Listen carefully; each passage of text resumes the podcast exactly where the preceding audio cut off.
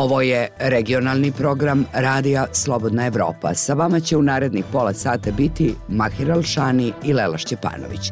A ovo su vijesti dana. Ministar za zajednice i povratak u vladi Kosova Nena Dražić potvrdio dolazak na sastanak Sjedinjenih država o formiranju zajednice opština sa srpskom većinom. Srbija se ponovo jedina u regionu nije usaglasila sa sankcijama Evropske unije protiv Rusije, izjavio Josep Borelj.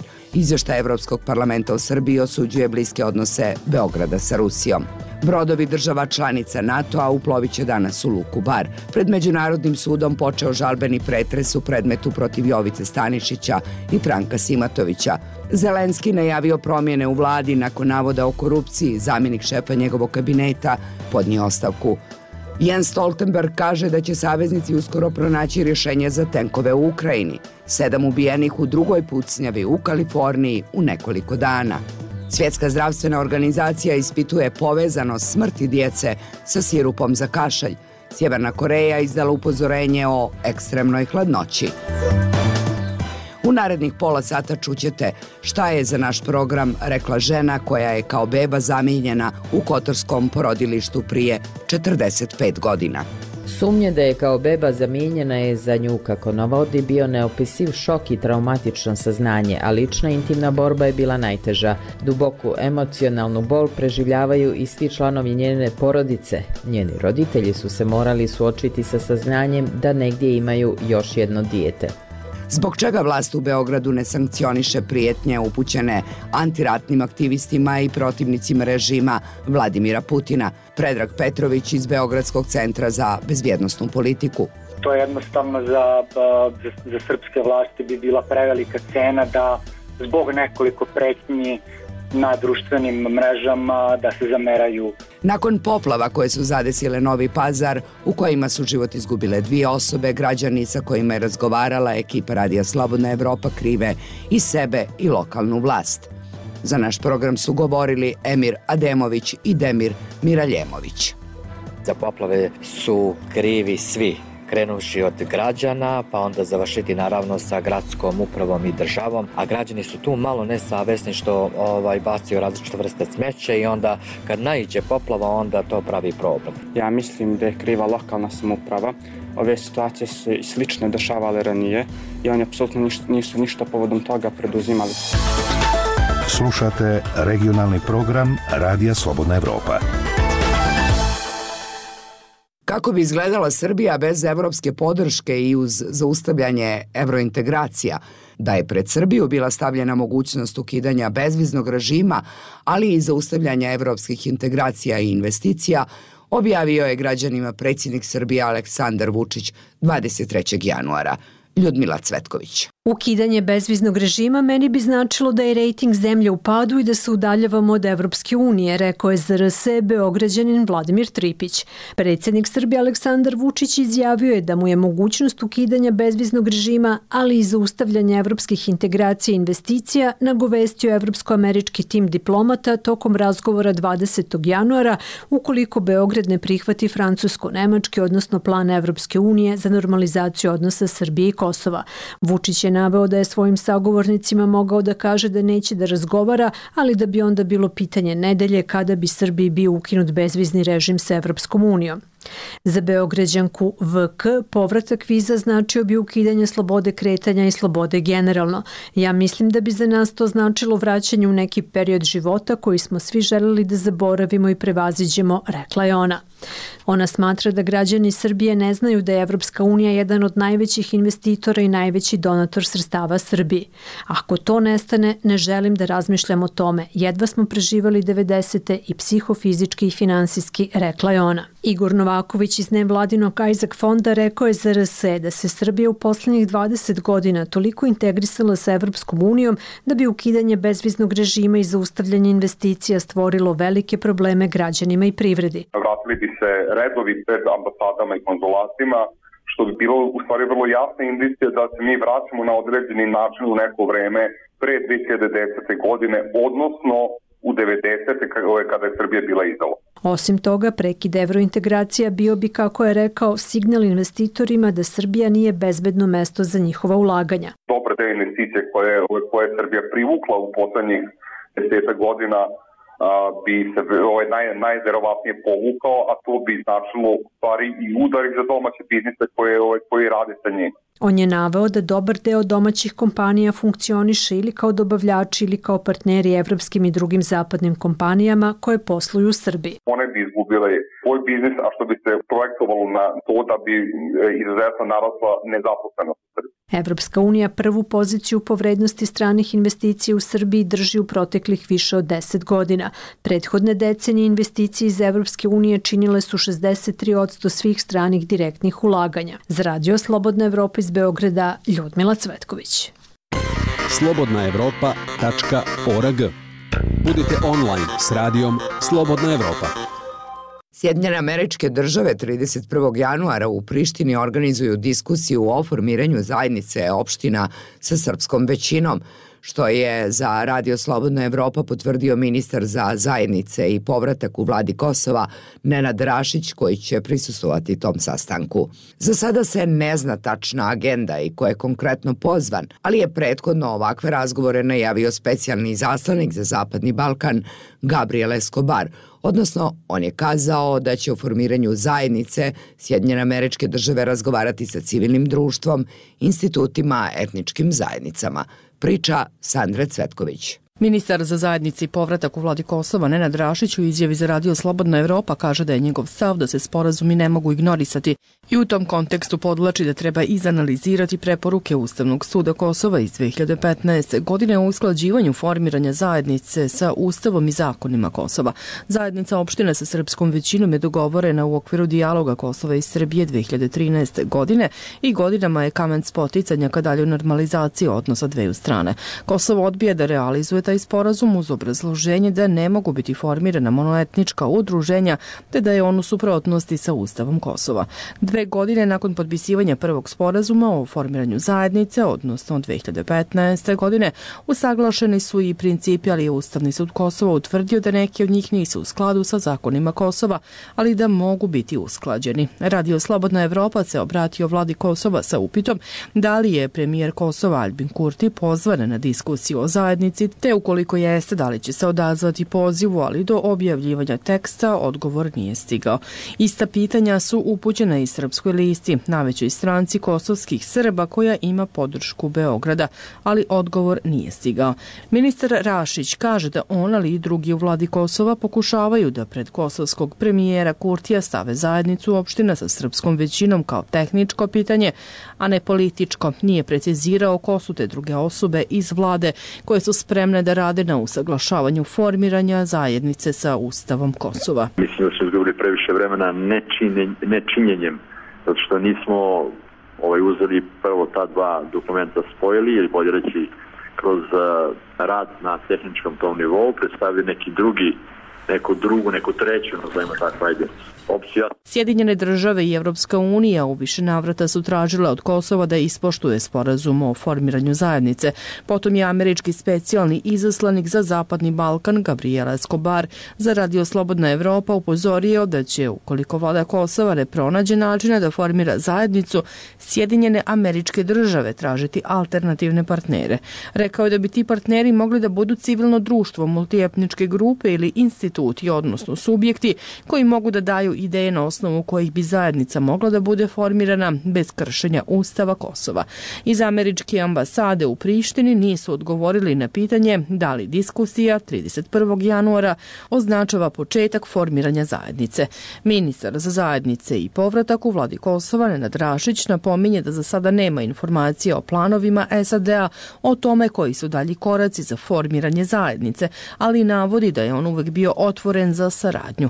Ukoliko da postoji nešto što je izredno, što bi moglo da pruži na primjer, jake, jače mehanizme pogotovo za zajednice, naravno da ćemo razmotriti dati naš doprinos. E, Umeđu vremenu premijer Kosova Albin Kurti je 12. januara na poziv višeg savjetnika State Departmenta Dereka Šolea da na sto stavi predloge o formiranju zajednice rekao da bi to pitanje moglo da bude rešeno u okviru konačnog sporazuma sa Srbijom. Za radio Slobodna Evropa iz Prištine Sandra Cvetković. Slušate regionalni program Radija Slobodna Evropa.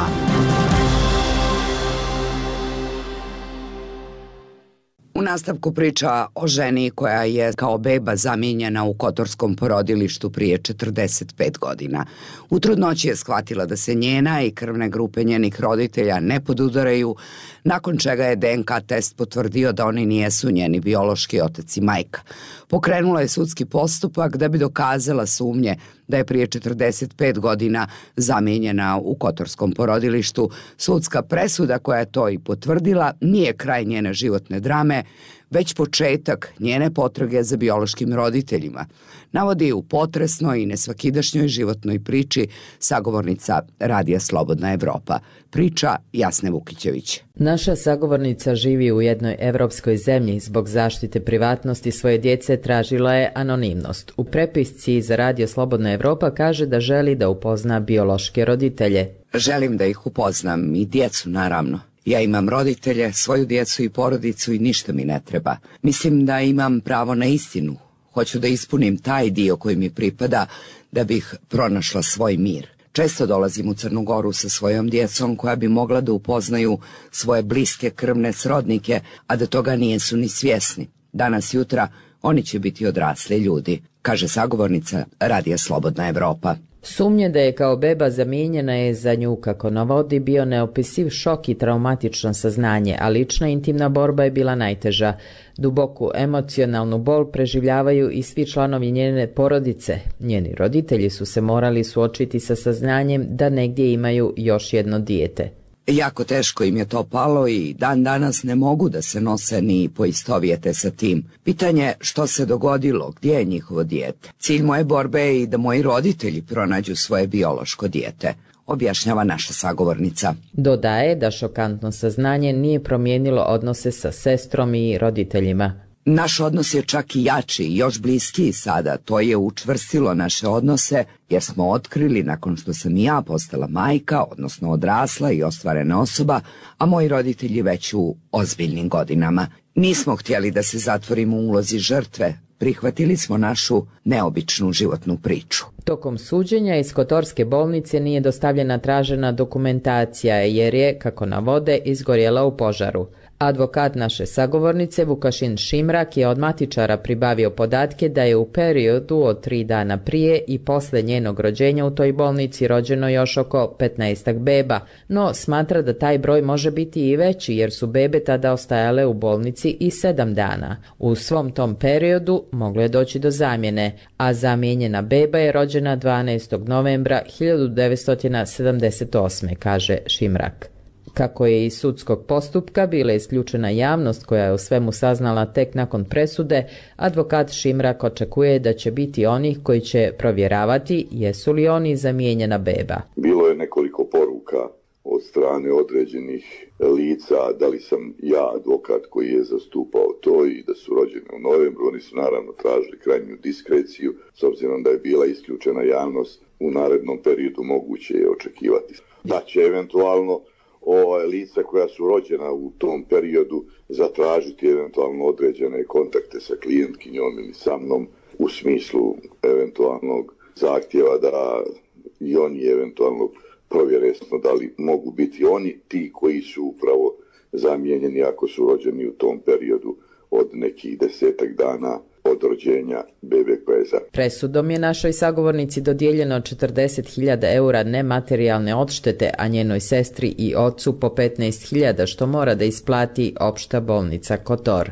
Šimra kaže da je u toku revizije dosuđenog iznosa odštete kod Vrhovnog suda. Kao poređenje navodi sličan slučaj u Francuskoj za koji su tamošnji sudovi dodijelili odštetu od 1,2 miliona eura. Međutim, epilog ovog suđenja može biti tek početak nove životne drame i to ne samo za njegove dosadašnje aktere, jer sagovornica Radija Slobodna Evropa kaže da za nju odšteta nije prioritet, već početak potrage za biološkim roditeljima. Za Radio Slobodna Evropa iz Budve, Jasna Vukićević. Pogled preko granice. Regionalni program radija Slobodna Evropa.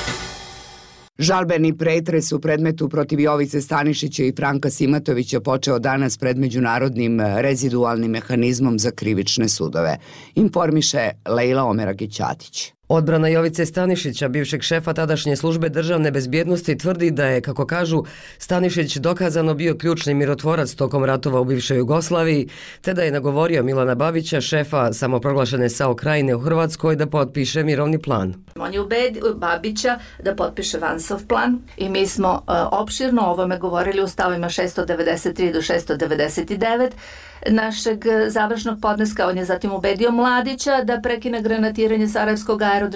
O ovome govorimo u stavu 24 izjave e, svedoka RJS 01 koji je aneks A odgovarajućeg podneska i zatim je poslao pismo direktoru CIE 95. godine da se nađe pravedno i mirno rešenje za jugoslovensku krizu, ovo je u stavu 26 istog dokumenta.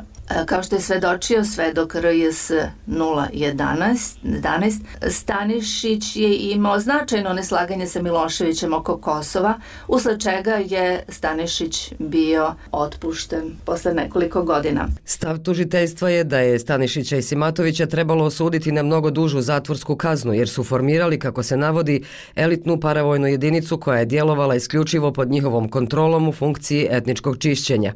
Te jedinice su počinile strašne zločine tokom napada na bosanski šamac i nakon toga. Ta grupa koju su Stanišić i Simatović tamo poslali zajedno sa JNA, srpskom policijom i teritorijalnom odbranom napala je, odnosno izvršila napad na grad.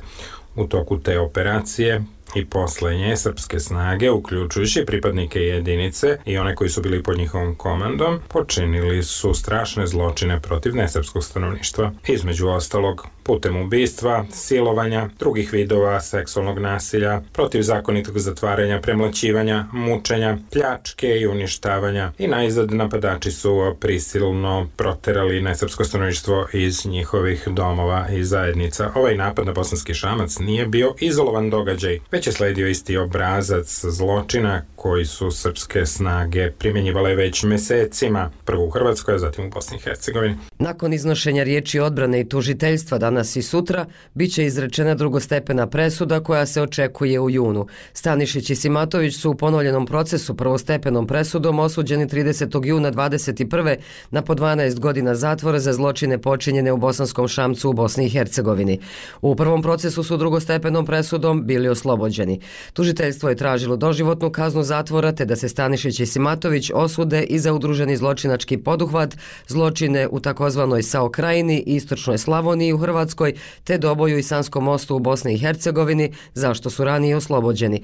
Odbrana traži oslobađanje ili alternativno smanjenje kazni. Za Radio Slobodna Evropa i Sarajeva, Leila Omeragić-Ćatić. Slušate radio Slobodna Evropa. Protivnici režima ruskog predsjednika Vladimira Putina u Srbiji ponovo su na meti desničarskih organizacija i pokreta.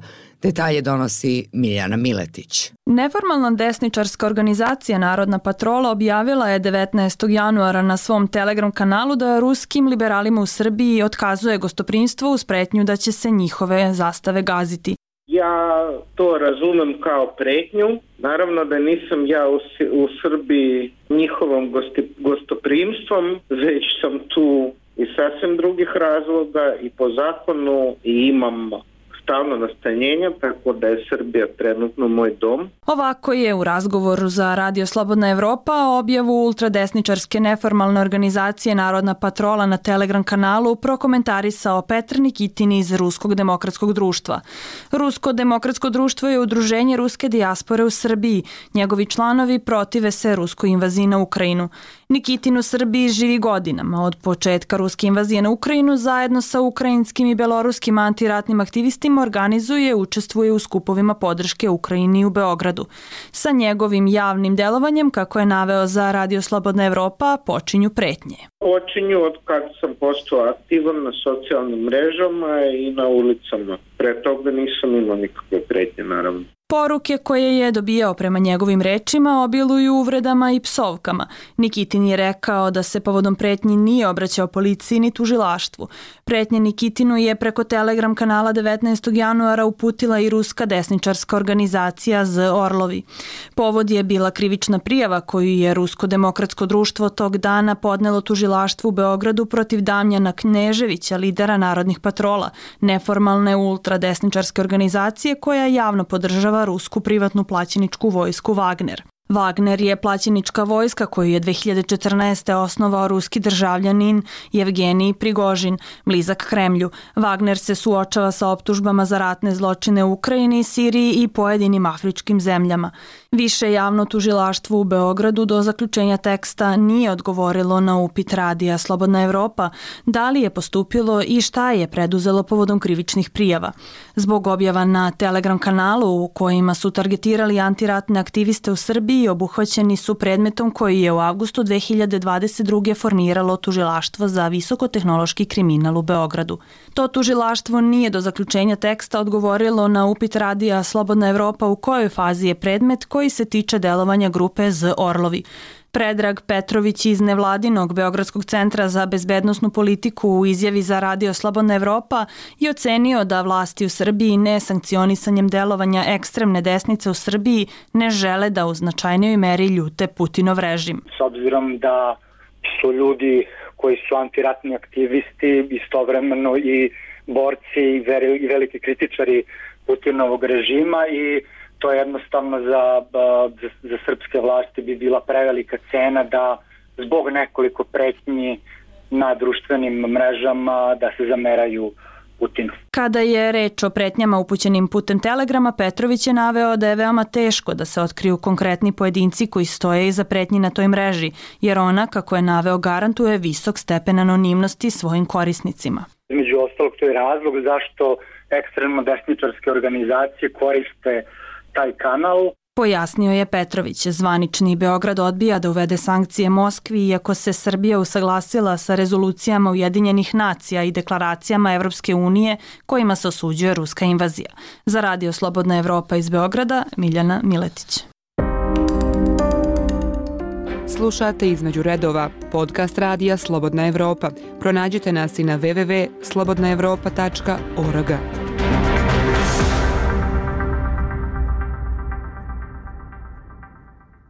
Oni koji tvrde da ne postoji mogućnost da Rusija napadne Ukrajinu nuklearnim oružjem ne znaju šta pričaju, jer niko ne može zasigurno da tvrdi šta će se desiti, kaže za naš program Sergej Radčenko, profesor istorije na Univerzitetu John Hopkins. To će najviše zavisiti od Putinove procjene da li je ugrožen opstanak njegovog režima, te da li doživljava ovaj sukob kao egzistencijalni ne toliko po Rusiju, nego po svoju vlast, smatra Ratčenko. Razgovarao je Dragan Štavljanin.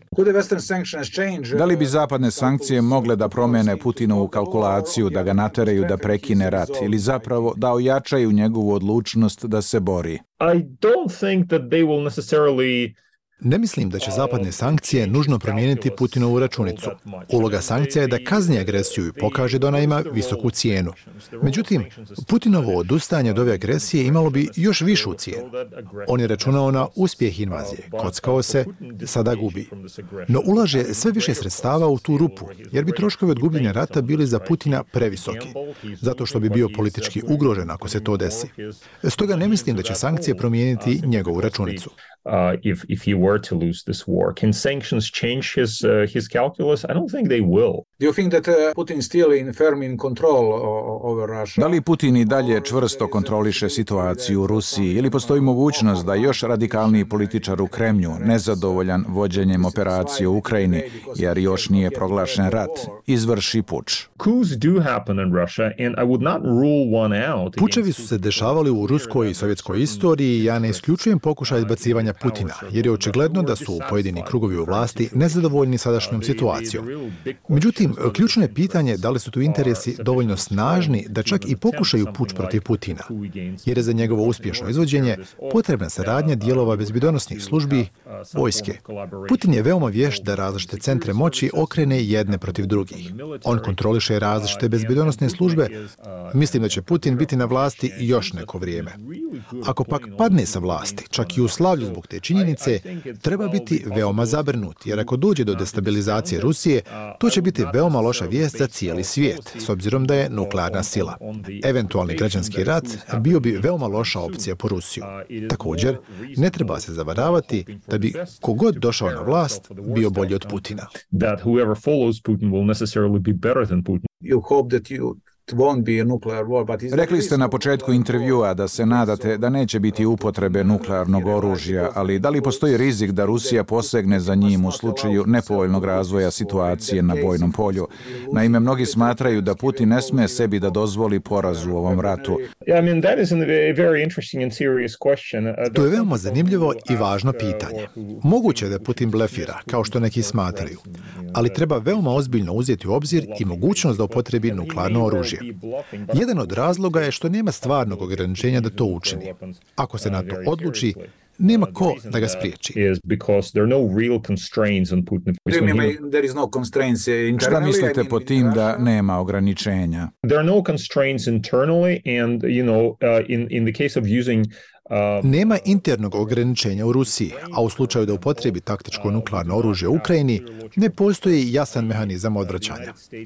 Mala je vjerojatnoća da će Sjedine države uzvratiti nuklearnim oružjem, mada su upozorile da bi izvršile udar konvencionalnim oružjem u slučaju ruskog nuklearnog napada na Ukrajinu. Međutim, Putin može da kalkuliše da ova američka prijetnja nije vjerodostojna, pa se odluči na upotrebu nuklearnog oružja. Dakle, oni koji tvrde da ne postoji mogućnost da Rusija napadne Ukrajinu nuklearnim oružjem ili je ona veoma mala, ne znaju šta pričaju, jer niko ne može zasigurno da tvrdi šta će se desiti. Tu će najviše zavisiti od Putinove procjene da li je ugrožen opstanek njegovog režima, te da li doživljava ovaj sukob kao egzistencijalni, ne toliko po Rusiju, nego po svoju vlast. Stoga se moramo mentalno pripremiti da to može biti jedan od ishoda ovog rata. Nadam se da se to neće desiti, ali sam veoma zabrinut zbog situacije. Bio je to Sergej Radčenko, profesor istorije na Univerzitetu John Hopkins.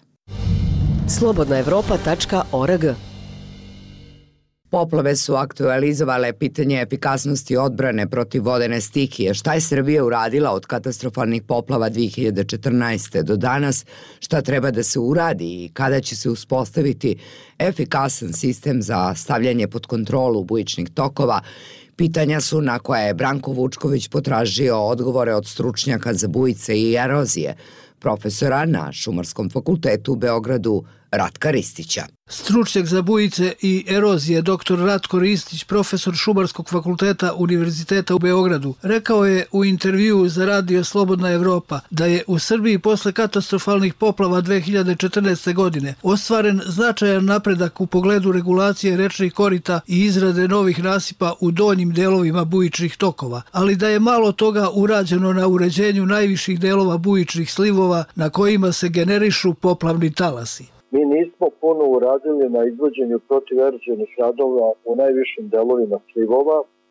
Radi se o nekoliko desetina hiljada hektara i to podrazumeva pošumljavanja, terasiranja terena, sanaciju jaruga, izradu različitih bioloških i biotehničkih objekata i podizanje nekoliko stotina deponijskog konsolidacijonih pregrada, to su objekti visine 3 do 5 metara, popularno i zovu protiverođene brane koje obaraju kinetičku energiju poplavnih talasa i zadržavaju velike količine materijala. Tu nije urađeno dovoljno. Prema Ristićevim rečima, za taj posao su potrebni vreme i novac, ali da jedino takav pristup može u budućnosti da spreči katastrofalne štete koje izazivaju poplave.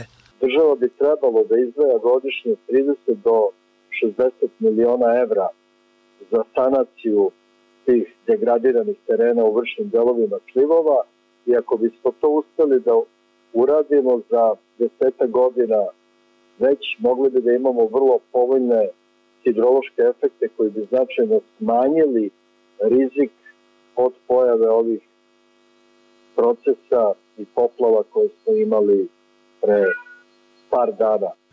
Govoreći o ulozi lokalnih samouprava u odbrani od poplava, profesor Ristić je rekao da je jasno da one nemaju na raspolaganju dovoljno sredstava, ali da imaju značajno mesto u segmentu planiranja odbrane. Radio Slobodna Evropa, Branko Vučković. Čuli ste profesora Ratka Ristića.